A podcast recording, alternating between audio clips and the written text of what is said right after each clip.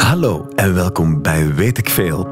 Bij mij zit vandaag Johan Op de Beek, historisch auteur die heel veel boeken heeft geschreven, waaronder eentje van 751 pagina's over Leopold II, de man met de lange baard en het bloed aan zijn handen. Vandaag proberen we dat volledige boek samen te vatten in één uur tijd. Of hij daarin slaagt, dat hoor je nu. Weet ik veel? Goedemiddag, ik ben Cornelik en vandaag weet ik veel over Van Kobe. Hallo, aangename kennismaking. Even iets over mezelf, nu we aan het kennismaken zijn. Ik woon in Brussel, vlakbij de Leopold II Laan en de Leopold II Tunnel, die we tegenwoordig niet meer zo mogen noemen. De Leopold II-tunnel in Brussel krijgt een nieuwe naam. In de herfst wordt het officieel de Annie Cordy-tunnel. De Brusselse regering besliste vorig jaar om de tunnel een nieuwe naam te geven, omdat koning Leopold II steeds steviger bekritiseerd wordt om de gruwelijkheden in Congo onder zijn bewind. Ja, voorlopig is er over Annie Cordy nog niets verschrikkelijks uitgekomen, dus die naam mag zo nog blijven. Goedemorgen, Johanna Op de Beek. Goedemorgen. Jij schrijft, of goedemiddag eigenlijk ondertussen, jij schrijft veel over geschiedenis. Je hebt je boek die naam gegeven, Leopold II, omdat het erover gaat omdat het erover gaat. Ja, de ondertitel is trouwens het hele verhaal. Het is geen verhaal of het is geen boek over Congo. Het is een boek over Leopold II. Ja. Dat is ook een, een lang eh, en interessant leven, waar natuurlijk Congo een deel van uitmaakt. Maar het is veel, veel, veel meer meer geweest. Ja, het verhaal in Congo heeft zijn reputatie zwaar bezoedeld natuurlijk, maar er was meer. Um, dat kan je horen in een podcast die je gemaakt hebt voor Clara ook. Heel interessant. En dat boek, 751 bladzijden. We hebben nu um, iets minder dan een uur. Zal dat lukken? Nee. we gaan ons best doen. Hè? Ja, Misschien moeten we beginnen bij het begin. Want Leopold II was de tweede koning van België. Ja. ja, het is interessant dat je die vraag stelt. Want als hij geboren wordt, dan bevinden we ons in het jaar 1835. Kun je dat me niet voorstellen, maar het land, ons land, België, bestaat amper vijf jaar. En dat is een landje dat ten eerste klein is, dat er gekomen is dankzij de handtekeningen van de grootmachten, die dat al een soort bufferstaatje zagen, heel precair. Het, het, is er gekomen door die handtekening en het kan ook zo verdwijnen. Ja. En je komt dus als, uh, als België kom je op de wereldkaart te staan met een koning, Leopold I, die, die een echt gevecht moet voeren om dat land credibiliteit te geven, om dat land uh, ja, groeikansen te geven. En, uh, en, en dat, is, ja, dat is een heel een cruciaal moment waarop die later Leopold... Trouwens, hij wordt natuurlijk niet geboren als Leopold II. Dat kunt je, Leopold II was hij was als hij koning wordt natuurlijk. En hij was gewoon Leopoldje? Nee, hij was niet Leopoldje. Hij was het hertogje van Brabant. Ze hebben die titel ergens van onder de stof gehaald, een middeleeuwse uh, titel, want het land bestond niet. Hè, dus waar, hoe moet je dan zo'n kroonprins noemen? Hertog van Brabant. Ja. Welke taal sprak hij met zijn vader? Want dat was een Duitser die in Groot-Brittannië had gewoond. Sprak die Frans? Ze spraken zeker Frans, maar ook Duits, want ze komen uit uh, eh, Saxen-Coburg natuurlijk, uh, Gotha. Mhm. En um, dat zegt al veel, want de, je zegt terecht, Leopold I is, is een beetje geparachuteerd mhm. als koning van, uh, van de Belgen uh, door, door de Engelsen. De Engelsen maakten eigenlijk de dienst uit in dat post-Napoleontische tijdperk waar we, waar we in zitten. En, en, het, en het, is, het is eigenlijk ja, ik kan niet. Marionette is nu echt wel overdreven, maar zonder de Engels, ik zal het zo zeggen. Mhm. Positiever was hij daar nooit beland. Ja. Hoe, hoe wordt hij opgevoed door zijn vader? Voelt hij al aan van dit wordt een belangrijke koning? Interessante vraag, want we weten daar heel veel over. Kunnen we daar nog een uurtje aan vastbreien, Corneel? Nee, dat mag niet, zie ik in uw ogen. Liever niet, nee. Nee, maar het was, het was een moeilijke relatie. Mhm. Ehm, de, de koning, Leopold II, dat gaat een in mijn ogen een heel belangrijk staatsman worden. Maar dat zag er zo helemaal niet uit als dat een convention is. Integendeel, de brieven van zijn moeder, van zijn vader, dus Leopold I, over dat, uh, dat scholiertje dat hij was. Trouwens, gaat niet naar school, hè, worden opgevoed in Laken allemaal. Mm Zien nooit andere kinderen. Mhm. Eh, maar dat, dat was een, een, een rebelletje, een, een luiaard, als je die brieven mag geloven. Ja, maakte zijn huiswerk niet. Of hij lag altijd dwars, maakte ruzie met zijn, met zijn leraar. Of, er viel geen land met te bezeilen. En, en men, Leopold, die had daar echt een hard hoofd in. Hè. Die dacht, mhm. ja, maar dat is hier mijn opvolger. Ja. Uh, en, maar, maar er waren twee terreinen waarin ze eigenlijk al vrij snel merken dat dat hij toch niet zo nietsnut is. Mhm. En die twee terreinen zijn zeer interessant. Want het eerste is de politiek. Mhm. Hij snapt al heel vroeg, al heel jong, snapt hij het wheelen en dealen in de politiek. Hè. Dus de, dat, dat zakelijke instinct dat ook in de politiek aanwezig is, dat vat hij heel goed. En twee, twee de latere Leopold II is bezeten door de aardrijkskunde. Juist. Klopt het dat hij ooit Nederland wilde binnenvallen met een leger? Dat is een beetje later. Ehm, zowel Leopold I als Leopold II, die willen België, ja, zoals ik daar straks zei, vestigen. Hè. Maar dat land is te klein, er is wel veel industrie, maar ze hebben geen afzetmogelijkheden. En zoals elke mogendheid in die tijd doet, ja, dan kijkt men naar overzeese gebieden, hè, kolonies, maar ook gewoon handelsverdragen en dergelijke meer. En maar voor, voor het kleine België is het allemaal moeilijk. En, en ze, ze hebben samen meer dan 30 projecten over de hele aardbol uitgeprobeerd. Ze zijn allemaal mislukt. En op een dag stapt de jonge hertog van Brabant het bureau binnen in Laken daar van, eh, van zijn papa, van Leopold I. En die zegt, ik heb het gevonden. Ehm, ik heb een plan. Hij had altijd plannen. En als hij een plan had, Corneel, dat was niet een, een, een bierviltje.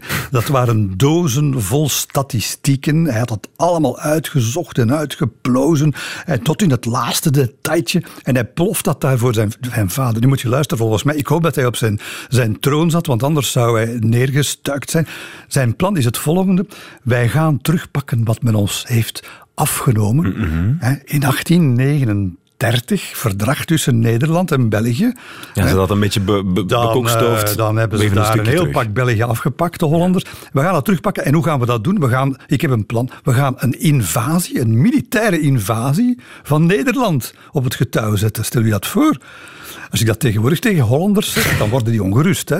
Ja, maar Leopold II, die wilde dat dus. Hij, wilde, hij had een heel plan. Er ging zelfs een, een, een godsdienstig aspect aan vast. Want Ja. ze gingen, en er is een, zijn, vader, de, het zuiden, Limburg en Brabant zijn katholiek. Wij zijn ook katholiek. Dus we maken die daar eerst wat, wat op. Hè. We jutten die wat op tegen die protestantse Noorderlingen. En als we daar dan met ons leger aankomen, worden we daar goed ontvangen. Enfin, dat was dus echt strategisch goed doordacht. Is dat ook gebeurd? Maar nee, natuurlijk niet. Eh, Leopold I die heeft hem daar eh, voor halve gek uitgemaakt. En, en de Fransen natuurlijk. Dat had het einde van België kunnen zijn. Natuurlijk, hè, de, Fransen, de Fransen, wanneer ze dat te weten komen. Want hij trekt ook naar Parijs. Hè, ondanks de, het niet van zijn papa, trekt naar Parijs en zegt tegen, eh, tegen de, de powers that be: dat is in uw voordeel, hè, volg mij. En de Parijzenaars zeggen, enfin, de, de, de regering zegt: het is te, te gek voor woorden. Maar daaraan voel je al dat hij echt wel zocht naar plekken om uit te breiden. België was te klein voor Leopold eh, II. En daar gaan we het zeker nog over hebben in dit komende uur met Johan Op de Beek, die er een heel boek over schreef, een podcast over maakte. Ehm, de man wilde Nederland binnenvallen, hebben we nu geleerd. Maar hij heeft ook een aantal andere buitenlandse avontuurtjes gehad. Onder andere in Egypte, daar was hij ook zo- zot van. Ja, ehm, de, de figuur van Leopold is eigenlijk, ik zei daar straks al, geweldige belangstelling voor aardrijkskunde. Dat is veel belangrijker in die tijd dan vandaag. Wij weten alles. Je zet je tv uit, eh, aan, bedoel ik, en je ziet eh, hoe de Noordpool eruit ziet en je wil iets weten over welk la- Je weet alles. Maar toen was de, was de wereldglobe nog een, een plaats vol witte vlekken. En aardrijkskunde was zeer belangrijk en we zochten iedereen. Iedereen zocht naar, naar het nieuwe. En hij was daar veel meer dan wie dan ook in België mee bezig. Ook vanuit dat idee om niet alleen ook voor henzelf, voor de monarchie, maar ook voor het kleine land dat we waren en zijn, om daar expansiemogelijkheden, eh, handelsmogelijkheden te zoeken. En een van die dingen die, die zo typisch is bij hem, ehm, ja, we hebben daar zo'n idee van, eh, die Leopold II die zat altijd bij de vrouwen, maar dat is helemaal niet waar. Hè. Die, ja, die, die zit in, in zijn vroege jeugd, zit hij in de boeken. Eh, hele bibliotheken ligt hij aan, documentatiecentra. Hij weet meer. Ergens een wetje, een nieuwe wet in Argentinië, hij weet het. Een nieuw verdrag eh, in eh, Azië, hij weet het. Weet veel meer dan gelijk welke Belgische minister. En die interesse komt die dan echt uit het idee van ik wil daar ooit een kolonie stichten? Hij weet dat nog niet als hij jong is, maar weet je, ehm, als hij een van zijn eerste toespraken geeft in de Senaat. Hè, kroonprins zit van rechtswege, eh, van, zat van rechtswegen in de Senaat. En kunt u dat al voorstellen? Hè? Die, die gechevroneerde politici die een keer aan hun, aan hun snor draaien en aan hun sikje wrijven. Daar komt die kroonprins ook eens iets hmm. zeggen. Of uh, men luistert maar half. Maar wat hij zegt is wel to the point. Hè. Hij zegt daar eigenlijk tegen die politici, hij zegt, we moeten stoppen met rond de kerktoren te blijven hangen. We moeten, ons, we moeten onze blikken veel verder naar buiten mhm. richten, want anders gaan wij het niet redden. Wij moeten, zegt hij, wij hebben veel industrie, maar wij moeten een exportland worden. En waar kijkt hij naartoe? Dat is niet naar Afrika. Dat is ook niet in tegenstelling tot wat we vandaag zouden denken, naar Weet je wat zijn nummer één is gebleven tot op het einde van zijn leven, tot op, tot op zijn sterfbed, uh, vele decennia later? Dat is China. Ah ja.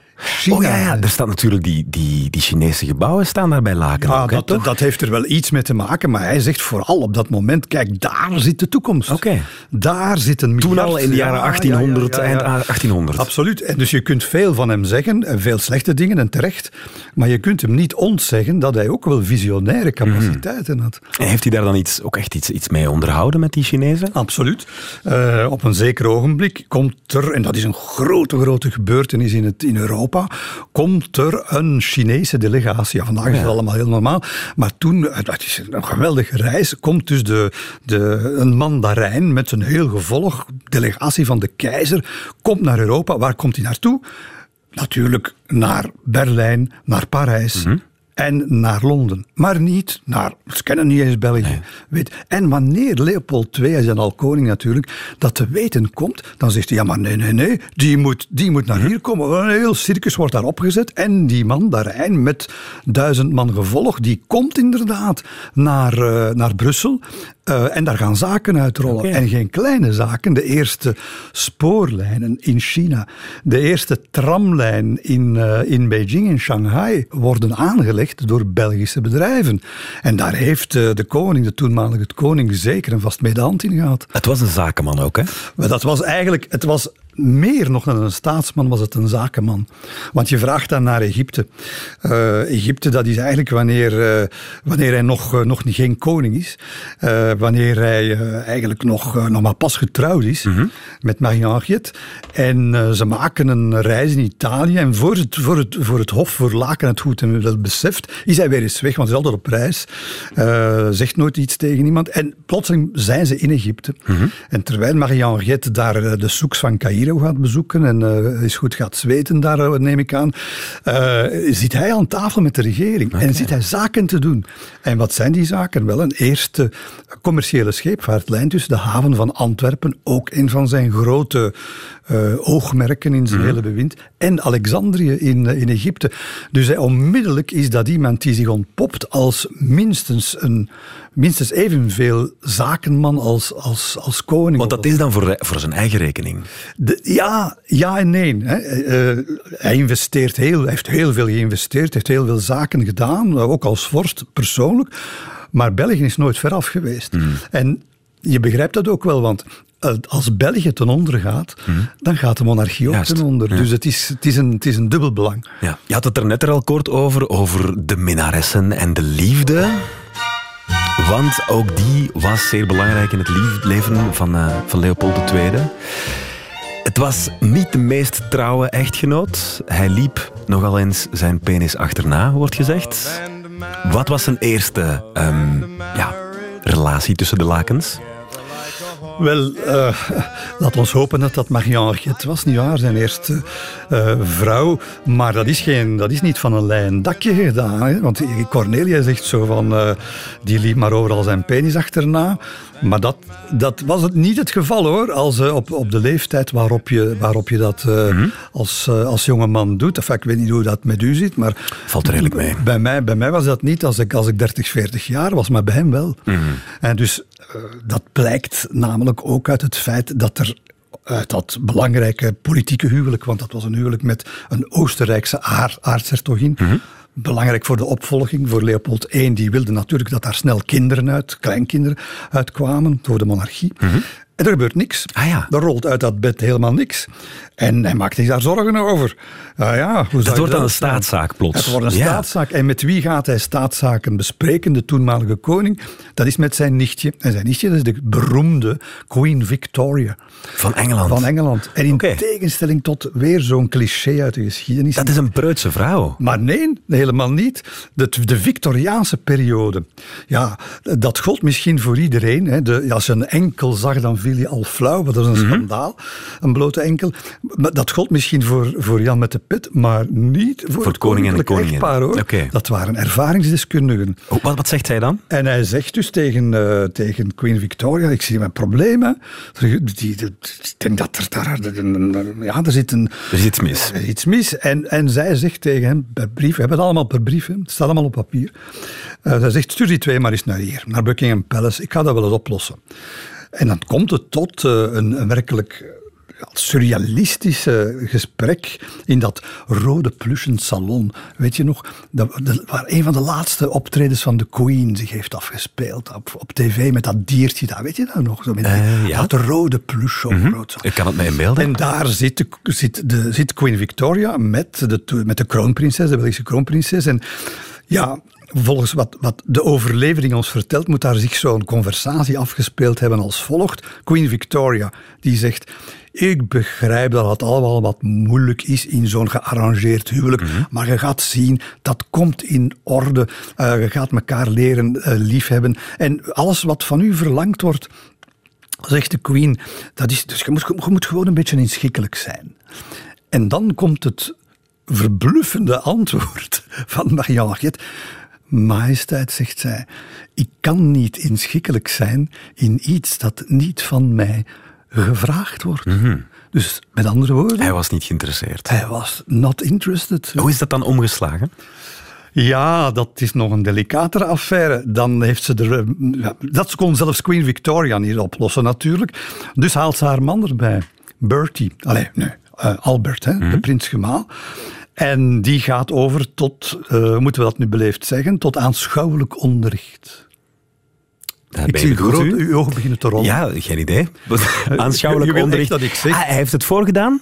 Eh, Nee, nee, dat denk ik niet. Maar eh, ik denk dat ze in een of andere luxueuze instelling waar men gespecialiseerd is in dat, dat soort aangelegenheden, dat hij daar tot inzicht is gekomen. En dan komt er later, want we hebben daar bewijs van, er komt er later een brief wanneer zijn eerste dochter Louise geboren wordt, van Leopold I. Maar Zeg, wacht, zegt u nu dat de koning van Engeland, of de prins Gemaal, op aanraden van de koningin met onze koning Leopold II naar de hoeren is geweest?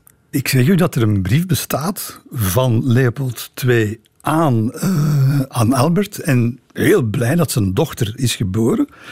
En dan staat er in die brief. En zonder uw deskundig advies was het er misschien niet van gekomen. Oké. Mag ik een paar dingen checken? Want daar, daar gaan een aantal verhalen rond over Leopold II en zijn ehm maîtresses. Die ik eens even wil checken bij u als, eh, als Leopold II-kenner. Ehm, klopt het dat er in Oostende tunnels zouden liggen, via waar hij naar zijn maîtresses kon gaan zonder opgemerkt te worden in de straten? Wel, ik heb die tunnel nooit zelf gezien, maar de maîtresses waar je van spreekt, dat is te herleiden tot één, en dat is Blanche de Lacroix, die hij vanaf 1900 tot zijn ja, officieuze vrouw neemt. En Blanche de Lacroix was een meisje van heel lage komaf, heel jong, en werd eigenlijk uitgespuwd door de high society. Oké. En Blanche, eh, Blanche had het heel moeilijk, was heel beschaamd. Was, eh, en het zou dus, ik heb hem nooit zelf gezien, die tunnel, maar het zou me niet verbazen dat hij bestaat. Maar het was niet zozeer voor, denk ik, voor Leopold als die bestaan heeft, maar wel voor haar. Want zij is echt, zij, zal op, de, op de duur zal hij zelfs naar de eerste minister stappen en zeggen van dat moet hier gedaan zijn, hè, met het beledigen op straat van men. Je weet heel goed wat er gebeurt. En de eerste minister gaat zeggen, ja maar majesteit, daar kan ik niet veel aan doen. En hij zegt, Blanche is aan het kraken, zij krijgt er een depressie van, zij gaat het land verlaten. En ik verwittig u, beste eerste minister, als mijn, eh, mijn Blanche het land verlaat, dan verlaat ik mee het land. Oké. Heel straf. En hij gaat het ook nog doen, ook. Oké. Uh, nog een andere korte vraag. Klopt dat, dat zo oké, maar dat is serieuze kosten. Natuurlijk is ja, ik was er niet bij, maar ik zou het zelf ook heel lastig vinden. Um, sowieso. Klopt het dat zijn vrouw zich eigenlijk schuilhield in Spa? Ja, uh, Marie-Henriette uh, dat, heeft lang geleefd, heeft ook die, dat overspel met, uh, met Blanche Delacroix niet echt lang meegemaakt. Hè. Ze, ze, zijn heel braaf gebleven tot ze overleed. Maar ze zat eigenlijk, ja, die, die relatie was heel slecht. Mm. De relatie was heel slecht van dag één, zoals ik daar straks verteld heb. Ze hadden een heel andere belangstellingssferen. Hij was zeer conservatief, zij veel liberaler. Hij zei van muziek, hij niet. Zij, weet u, eh, aan het, aan het Oostenrijkse Hof ging een grapje rond. En uh, daar, als ze trouwden, dat was de, de nol trouwt met de staljongen. En er werd bijgezegd, en zij is de staljongen. Dus dat wil zeggen, uh, ja, zij zit inderdaad heel graag op het paard. En als hij op een paard zit, hij valt eraf. Hij is altijd ziek, zij is zeer gezond. Dus het klopte van geen kanten. Zeer ongelukkig huwelijk voor die twee mensen. Die kan er alleen maar, dat kan het alleen maar betreuren natuurlijk. En ze trekt zich inderdaad naarmate de, de decennia verstrijken. Ofschoon ze altijd wel, strekt zich terug in Spamma, ofschoon ze altijd wel een innige band houden op een of andere manier. Hoor. Mhm. Want wanneer uiteindelijk eh, een van de belangrijkste familieleden uh, keizerin van Mexico wordt, een Belgisch uh, van, het, van, het, uh, van de monarchie. Um, ja, die belandt in hele vieze papieren, wordt een beetje gegijzeld door haar Oostenrijkse familie. En Leopold wil die absoluut terug bij hem hebben, mm -hmm. wil ze redden. En dan ondanks al hun grote verschillen en geschillen, zal uh, de koningin zich inspannen, zal naar Oostenrijk, beter gezegd naar Italië reizen en zich, zal zich daar echt smijten, zal zich daar echt inspannen samen met andere Belgen om inderdaad dat lid van de familie terug naar België te repatriëren. Het was Charlotte? Uh, ja, het was, een, uh, dat was de, de, de, vrouw van Maximiliaan, het bekende verhaal van de, de keizer van, van Mexico, daar neergepoot door de Fransen, gefusilleerd ja. door, door, de, door de opstanden van, van Juarez. Zeer rijk en geld en Leopold II, dat ging altijd nauw samen. Mhm. en, en, ze had dus veel geld. En, uh, en, dat geld mocht niet bij de Oostenrijkers blijven, natuurlijk. Hè. Dus, Als we het over zijn familie hebben. Um, hij had drie dochters, geen zoon. Dat was, we hadden daar straks al over. Dat was een moeilijk probleem. Hij had wel een zoon. Uh, hij had uh, een zoontje, Elias, was zijn bijnaam. Dat is een groot drama in zijn leven geweest. Uh, Elias was de gedoodverfde opvolger, maar Elias sterft heel vroeg. Aan, uh, hij valt in een, in, een, in een vijver in Laken. En om een lang verhaal kort te maken, sterft aan een soort longontsteking met complicaties. En dat dat, dat gaat hem echt wel kraken hoor, Leopold II. Maar inderdaad, dan blijven alleen die drie dochters over. Hè. En die onterft hij? Wel, de Salische wet, het stond denk ik niet zo echt in de grondwet, maar de Salische wet, uh, die men toen respecteerde, zegt natuurlijk dat, dat geen dochter, geen koningsdochter, maar een koningszoon de troonopvolger moet zijn. En, en met die drie dochters zat hij wat in zijn maag. Hij zag die graag. Eh, pas op, ze hebben serieus geërfd. Maar er was veel meer dan dat, uh, dan wat ze geërfd hebben. En hij wilde, Leopold II, hij wilde voorkomen dat uh, ze zouden trouwen. Nou, dat zou natuurlijk weer met een of andere uh, Oostenrijkse aartshertog of zo zijn. Mm -hmm. Dat het geld zou meegaan. Juist.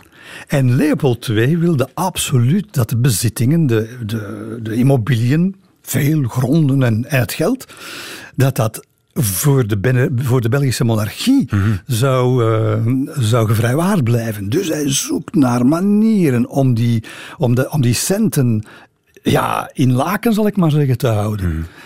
En en hij komt met het plan, we moeten dat met de regering bespreken. Ik moet u onterven. Hè? Ja, maar zegt de eerste minister, dat gaat niet, hè, majesteit. Er staat daar een klein obstakel in de weg, het burgerlijke wetboek. Mm -hmm. Je kunt uw dochters zomaar niet onterven. En wat doet hij dan? Dan zegt hij, en dat is een geniale zakelijke zet weer van hem. Uh, hij zegt, weet je wat, je krijgt van alles van mij. De Belgische ga, staat. Ja. ja. En dat is de Belgische, de, de, de, de Belgische staat krijgt de koninklijke schenking, die vandaag nog altijd bestaat. Ja. Waar ja, kolossale bezittingen in zitten. Waar, uh, ja, dat ja, zijn parken, paleizen, bossen. Ja, noem maar op. Uh, Dudenpark, het fameuze Dudenpark. Uh, je kent dat, hè? Van Union. Van Union. Union Wel, in ja, dat is een van de parken die hij heeft, uh, die hij heeft opgericht in Brussel. Wel, dat, uh, nog veel, enfin, te veel om op te noemen, Ja. voor flinke dosissen geld. Wel, dat krijgt de Belgische staat, maar het vruchtgebruik daarvan moet ten eeuwige dagen in handen blijven van de monarchie. Het is een echte Belg, die Leopold II.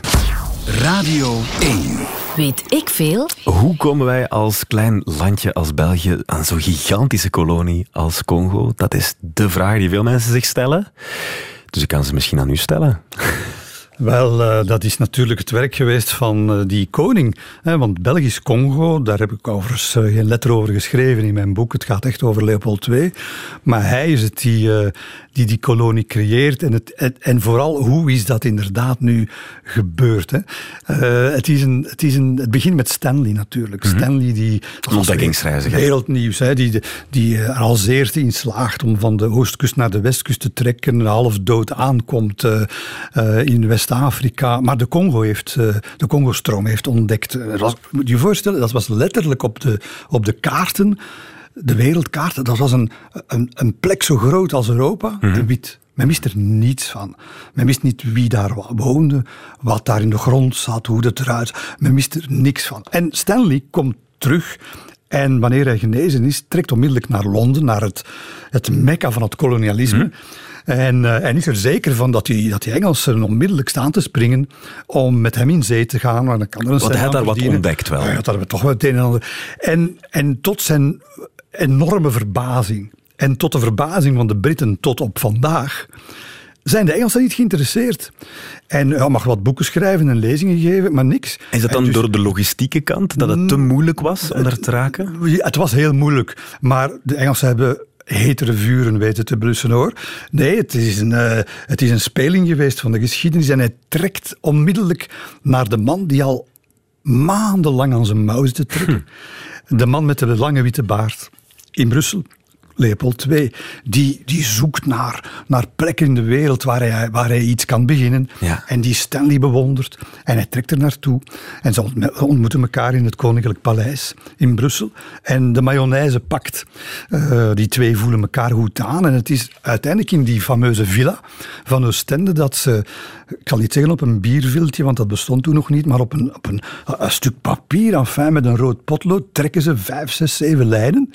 En dat zijn de, de grenzen van het huidige, van het huidige Congo. Dat zegt toch veel over hoe je kijkt naar een bepaalde regio. Dat je zegt van, dat pakken we gewoon. Dit, ja, hier hier was, trekken we de lijnen. Niks, er was niks. En de rest, vooral de rest was al verdeeld. Ja. De rest was eigenlijk al min of meer de invloedssferen althans. Het was het restje van de Afrikaanse taart. De Fransen, de, de, de Britten, de, de Duitsers ook een beetje.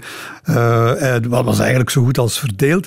En, en daar was niks. Dus zo ongeveer dit zei Stanley zou misschien... Nee, dan moeten we eens gaan kijken. Mhm. Um, hij heeft het geld, Stanley heeft de kunde, is, is de manager, zullen we maar zeggen. En zo begint dat. Maar natuurlijk, het is niet, geen kwestie van er zomaar even invliegen. Want België, om te beginnen, wil helemaal geen kolonie. België is er gloeiend tegen. En het is toch een, man, een one-man show Hm. van die Leopold II. En sterker nog, hij weet natuurlijk, hij is koning der Belgen, maar wat betekent dat? Naast, hè, naast Engeland, naast het Verenigd Koninkrijk en, en de Fransen. Dus hij weet dat hij geen fin kan verroeren in, uh, in, uh, in het buitenland zonder de, de carte blanche te krijgen, of enfin, de toestemming te krijgen van die grootmacht. En hij gaat dat op een bijzonder lepe manier doen.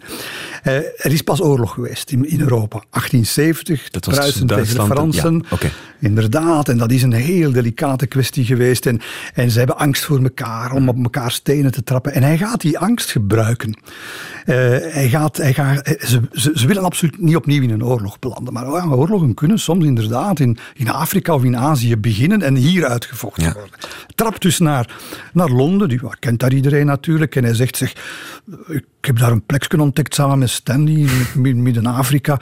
Uh, zou dat misschien toch niet beter zijn dat, dat ik daar eens iets mag gaan doen in plaats van uh, de, de, dan, dan Parijs? The bloody French! No way! Doet jij dat maar. Hè? Ah, ja. Met hetzelfde verhaal trekt hij naar Parijs. Zeg, allee, laat mij toch, ik ben onschuldig. En ja, de, de, de, les Anglais jamais. Dus ja, oké. Okay. En dan En dan komt het. Dan gaat hij naar Berlijn en hij ontmoet daar de, de ijzeren kanselier.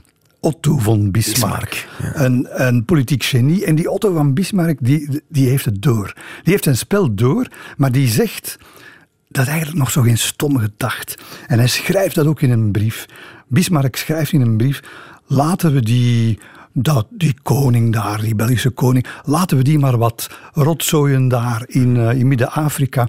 Misschien gaat u daar wel iets bereiken. Gaat u daar wel een spoorlijntje aanleggen of twee? Gaat u mhm. daar wat stationnetjes bouwen? En hij gaat mislukken. Het gaat af, valikant aflopen. En dan kunnen wij nog altijd zien hoe we daar de koek onder ons verdelen. Wij, daarmee bedoelt Het pionierswerk is voor de Belgen en daarna... Voilà, niet voor België, voor de, of voor, de koning. Voor Leopold II in eigen naam. Leopold II in eigen naam, die er zijn heel fortuin gaan instoppen. Want dat is wat we noemen de Vrijstaat? Nee. Wel, de Congo-Vrijstaat zal dankzij Bismarck tot stand komen. Er komt een grote conferentie die vier maanden gaat duren in Berlijn, onder toedoen van Bismarck. Iedereen is daar, de Verenigde Staten, alle landen zijn daar. En zonder dat eigenlijk dat iemand dat gevraagd heeft, een onderrondje tussen Leopold II en die Bismarck, rolt daar plotseling een kolossale staat uit de bus. Een privéonderneming. Waanzin. En dat is dus de Congo-Vrijstaat. Hoe, hoe, regel je dat in godsnaam? Dat, wel, is een bedrijf plots uit het, niets. Is, een, het is een belangrijke vraag. Want ze sturen hem daar eigenlijk ja, met, met voorkennis sturen ze hem daar een wild avontuur in. Mhm. Al, al die, die belangrijke heren die daar aan tafel zitten, die hebben kolonies.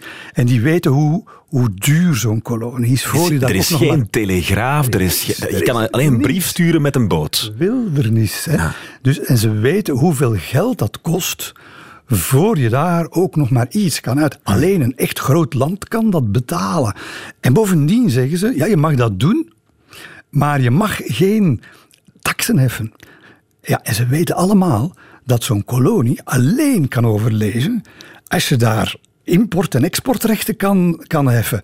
En die ontzeggen ze aan Leopold II. Okay. Dus ze weten heel goed dat hij daar failliet zal gaan. En op geen enkel moment en dat is het, het perfide, want we moeten het hebben over de verantwoordelijkheden van de gruwelen mhm. in Congo. Maar op geen enkel moment heeft niemand van die grootmachten gezegd of zich de vraag gesteld: ja, maar moment, als dat daar misgaat, daar in Congo, en hij, hij, hij, hij verliest zijn geld. Hoe gaat dat aflopen en wat gaan de gevolgen zijn voor de mensen die mhm. daar wonen, voor die bevolking? Want ze weten allemaal, die gaan moeten werken en die gaan. En dat komt niet in vragen. Dat komt nooit, dat is nooit ter tafel gekomen. Men gaat daar, met het geweten is daar totaal afwezig. En sterker nog, België speelt daar natuurlijk ook wel een rol in. Belgen willen er niks mee te maken hebben en ze zeggen, majesteit, allemaal goed en wel, uh, maar wij, wij willen daar niks mee te maken hebben. Maar ze hadden hem kunnen stoppen. Ze hadden perfect met de grondwet in de hand, had de Belgische regering kunnen zeggen: Beste Leopold II, we hebben u graag, maar beste vriend, je gaat moeten kiezen. Hè. België dus, of Congo? Ah, ja. Ah, ja. Ofwel ben je kunt geen koning zijn, van, geen staatshoofd zijn van twee landen. Dus liever te kiezen hebben ze niet gedaan. Ze zeggen, en je gaat dat allemaal zelf moeten betalen, beste koning. Ja, ja, dat is het akkoord. En dan hebben ze vervolgens tientallen jaren lang met medeweten van het parlement, hmm. maar werkelijk fortuinen geleend. Ah, ja. Aan, uh, aan Leopold II. Dus de Belgische staat heeft, daar wel, heeft daar wel bij geholpen, bij die, bij die schandalen die daar gebeurd zijn. Hij is daar hypocriet geweest in elk geval. Er wordt vaak gezegd, Leopold II is zelf nooit in Congo geweest. Klopt. Hij kan daar wel van geweten hebben, maar hij was er in elk geval niet bij. Die verantwoordelijkheid ligt dus niet bij hem. Natuurlijk wel. Natuurlijk wel. Uh, maar het is, het is niet een verantwoordelijkheid van een man die het bevel heeft gegeven, uh, zoals Hitler dat wel heeft gedaan. Om daar handen uh, af te hakken. ze daar maar eens allemaal uit. Dat, dat, dat is nonsens. Wat heeft hij wel gedaan? En dat kun je... Ik heb brieven gevonden in, het, in de archieven waarin je dat... ze staan in het boek, je kunt het nalezen, waarin, waarin de de waarheid eigenlijk in een, in een nutshell te lezen staat. Op een bepaald moment schrijft de gouverneur van Congo, en dat is Leopold natuurlijk, uh, Parvois interposé, die schrijft het volgende aan zijn, aan zijn ambtenaren die daar over duizenden kilometers verspreid uh, uh, mini-koninkjes spelen daar in verre gebieden. Hij schrijft, wat vernemen wij heren? U misdraagt zich, wij horen vreselijke verhalen over gruwelen. Want dat zijn een soort van avonturiers die daar gedropt ja, zijn? Dat, hij, hij stuurt daar natuurlijk hij, kijkt op elke frank. En toen was nog de Belgische frank. Hij kijkt op elke frank en hij stuurt daar dus geen gekwalificeerd personeel naartoe. Dat zijn eigenlijk voor een stuk halve avonturiers. Om even op mijn, vraag terug te, op mijn, op mijn punt terug te komen. Schrijft in die brief, wat vernemen wij? Uw misdraagt. Twee, belangrijk, wij willen dat niet. De koning in Brussel zegt, je moogt dat niet doen. En dan drie, dan vind je diezelfde brieven enfin, met dezelfde inhoud, vind je enkele jaren identiek opnieuw terug. Conclusie 1. Ze wisten ja. wat er gebeurde. Twee, de koning was daar geen voorstander van. Mm -hmm. Hij was daar zelfs tegen. Maar drie, hij zegt: Ik ga u straffen als je het nog blijft doen. En de harde realiteit is, hij doet juist niks. Ja. Hij doet juist niks. Hij zegt aan de ene kant, belangrijk, hij zegt aan de ene kant, uh, je moet uh, de bevolking daar ontzien. En dan in dezelfde ademtocht zegt hij, maar wel niet ten koste van de staatsinkomsten. Ja, dat is natuurlijk dat is zo hypocriet als het maar kan zijn. Hè? Hoe kwam hij dan aan dat geld? Was dat alleen rubber? Wel, hij maakt eigenlijk zware verliezen. Hè, tot de auto wordt uitgevonden. De auto heeft rubberbanden nodig. Massale vraag naar rubber. En dan beginnen de problemen. Hè. Dan, uh, rubber wordt, wordt massaal gewonnen in, uh, in Congo, maar de mensen zijn niet met rubber bezig. De bevolking van Congo is bezig met geiten en met, met, mm -hmm. met, met landbouw en wat weet ik allemaal, maar niet met rubber. En ze worden dus gedwongen. Is dat slavernij? Wordt daar echt... Er is geen slavernij. Integendeel, hij heeft eigenlijk, er was slavernij. Hè. Lang voor Leopold II daar aankomt, uh, zijn, er, zijn er grote slavenrijken in, in Congo vanuit Oost-Afrika worden elk jaar raids uitgevoerd op, uh, op, op Oost-Afrika. Toen een beetje denken aan vandaag. Uh, en hele dorpen worden daar gewoon meegenomen. Hè? Niet, mm. niet, niet de, de, materiële, maar de mensen. En worden verkocht op de slavenmarkten hè? door Afrikanen. Hè? Dus hij heeft, dat wel, heeft dat wel bestreden. Maar wat er in de plaats is gekomen is natuurlijk niet veel beter. Hè? Integendeel, die mensen worden gedwongen met allerlei gruwelijke maatregelen om dat te doen. En dan begint hij pas eigenlijk uh, winst te maken. En het perfide aan zijn systeem is ook dat hij die, wat jij noemt daarnet, die avonturiers, die mm-hmm. her en der, uh, die, die, die plaatselijke nederzettingen... On, ontspoorde scoutskampen, zo zie ik dat in mijn hoofd. Ja, wel, het, is erger dan dat, hè, want ze zijn tegelijkertijd zijn ze uh, personeelsopzichter, maar ook burgemeester. Ze zijn tegelijkertijd politiecommissaris, maar ook rechter. Mm-hmm. Ze zijn tegelijkertijd personeelsdirecteur, maar ze moeten ook uh, ze zijn ook exporteur. Ja. Dat is veel te veel macht in één hand. En, en zonder controle. En, en, zonder controle, daar heeft hij allemaal niet voor gezorgd. Dat is zijn echte verantwoordelijkheid. Ja. ja en, en het cruciale is, hij betaalt slecht, maar je kan als, als, als zo'n avonturier, om dat woord nog maar eens te gebruiken, je kan bijzonder veel meer beginnen te verdienen dankzij de bonussen. Dus hoe meer rubber jij uit die wouden kan laten slepen, hoe meer je verdient. Ja, als je dan, dan natuurlijk, als je dan verkeerde figuren hebt, dan ontsporen die zaken op een, op een afschuwelijke manier. Weten we hoeveel mensen daar gestorven zijn door oh, die... Veel te veel. De cijfers zijn heel moeilijk te bevatten, omdat, of zelfs te weten, omdat het, het zou best over miljoenen kunnen gaan, ja. maar hoeveel weten we niet. We weten ook niet aan wat die mensen dan precies gestorven zijn. Ongetwijfeld zijn er Maar we veel. weten misschien zelfs niet hoeveel mensen er woonden. Nou, we weten niet hoeveel mensen er woonden.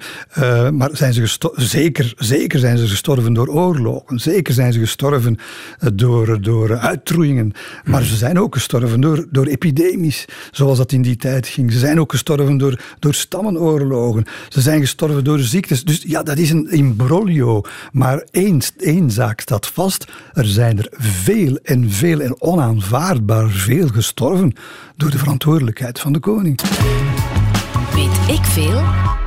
Want um, ja, dat heeft nog altijd een impact. Hè? Dat hele Leopold II-verhaal op ons land. Laten we misschien gewoon even met de financiële impact hebben. Uh, of daar, daar het over hebben. Hoeveel geld in ons zakenmilieu is eigenlijk uit Congo afkomstig? Ja, dat is, een, dat is de, de, ja, zeer toepasselijk de vraag van 1 miljoen. We weten het niet. Uh, het, het probleem is natuurlijk, Leopold II is de, is de, de meester van de verheimelijking. Mm -hmm. En er zijn maar werkelijk hele boekenrekken, archieven door hem verbrand, uh, waarin misschien informatie had gestaan. Ja, Bovendien dat is, dat is niet kosher, hè, als je dat doet. Ja, dat weet ik niet of het niet kosher is. Het was zijn goed recht misschien. Maar wat minder kosher was, is dat hij. Uh, er, zijn, ja, er zijn hele financiële stromen. Er is kapitaalvlucht gepleegd. Hele financiële stromen zijn naar het buitenland gegaan. Mm. Men heeft grote fortuinen ontdekt, de Belgische regering, na zijn dood. In, uh, in Coburg, in Duitsland. Ah, ja. uh, en, en hoe die financiële stromen van Congo naar België en tussen België en het Koningshuis, dat is een imbroglio waar we nog altijd het fijne niet over weten. Dus we kunnen veronderstellen dat veel van dat geld in gebouwen zit, in de koninklijke schenking zit. Maar hoe het nu juist zit, weten we Het niet. station in Antwerpen, het Centraal Station, Dat, of Tervuren, dat ik niet kasteel. zeggen. Ja, Tervuren is iets anders, waarschijnlijk wel. Maar, maar het Centraal Station, dat is meer een, openbare aangelegenheid. Je moet ook niet vergeten dat hij ook wel veel goede zaken heeft.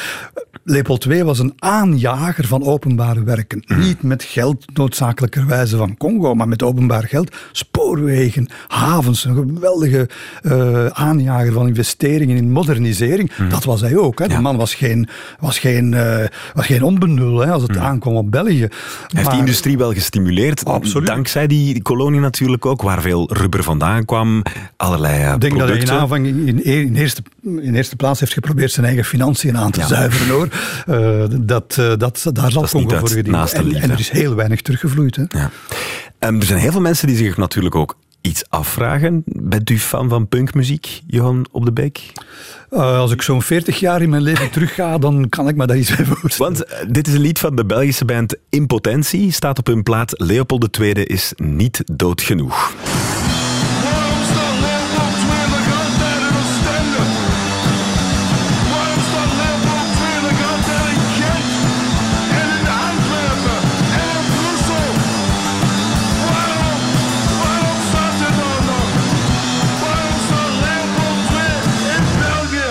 Ja, waarom staan er nog altijd overal standbeelden van Leopold II? Dat is iets waar... Snapt u die mensen die daar rode verf over gieten? Ik begrijp waarom ze dat doen, maar het is, uh, het is eigenlijk is het een, een beetje een kortzichtige maatregel, als ik dat zo mag zeggen. Om ze weg te halen, eventueel. Ook, uh, weet u, het, is te belangrijk, dat probleem, omdat het probleem zich vandaag nog altijd stelt. Hmm. De uitbuiting van sukkelaars door machtigen. En het systeem dat daarachter zit, dat ontrafel je niet, dat ontmasker je niet door een standbeeld te bekladden of weg te zetten. Moeten we er dan gewoon een bord bij zetten? Dat mag, dat mag voor mij part. Kijk, als dat democratisch beslist wordt, mogen al die standbeelden weg. Dan mogen ook al de standbeelden van keizer en van alle, elke Romeinse keizer weg. Want dat zijn allemaal mensen die bloed aan hun handen hebben, van hier tot ginder. Mhm. Dan mag de, de, de, de piramides van Gizeh moeten afgebroken worden, want dat is allemaal door slaven gebouwd. Maar, maar nee, het is belangrijker om te begrijpen hoe dat, hoe dat, hoe dat zo uit de hand is gelopen. Ja. En dat het te maken heeft met pure menselijke hebzucht, rukzichtloze, gewetenloze hebzucht. En hoe die systemen vandaag in Afrika nog altijd gelden. Hmm. Dus een bord erbij. Oh, wat moet ik nu nee zeggen? Ja, ik vind van wel. Uh, ik zou ze laten staan, maar ik zou, ik zou vooral zorgen dat we, dat we in het onderwijs, dat we weten wie hij was en vooral wat het systeem was. Hmm. En hoe erg is het niet dat je, dat je niet eens in dat land komt en daar dingen laat gebeuren waarvan je weet, dit, dit heb ik misschien niet gewild, maar het is afschuwelijk als de kas maar gevuld geraakt. Ja. Johan Op de Beek, misschien moeten we er gewoon um, jouw boek, 751 bladzijden, op de leeslijst van het uh, middelbaar onderwijs zetten over Leopold II. Dit was de aflevering van Weet ik Veel. Dankjewel, Johan, en een fijne dag. Dit was alweer een waanzinnig interessante aflevering van Weet ik veel met Johan Op de Beek over Leopold II. Als je meer podcasts wil beluisteren, kan je die allemaal terugvinden via VRT Max. Weet ik veel.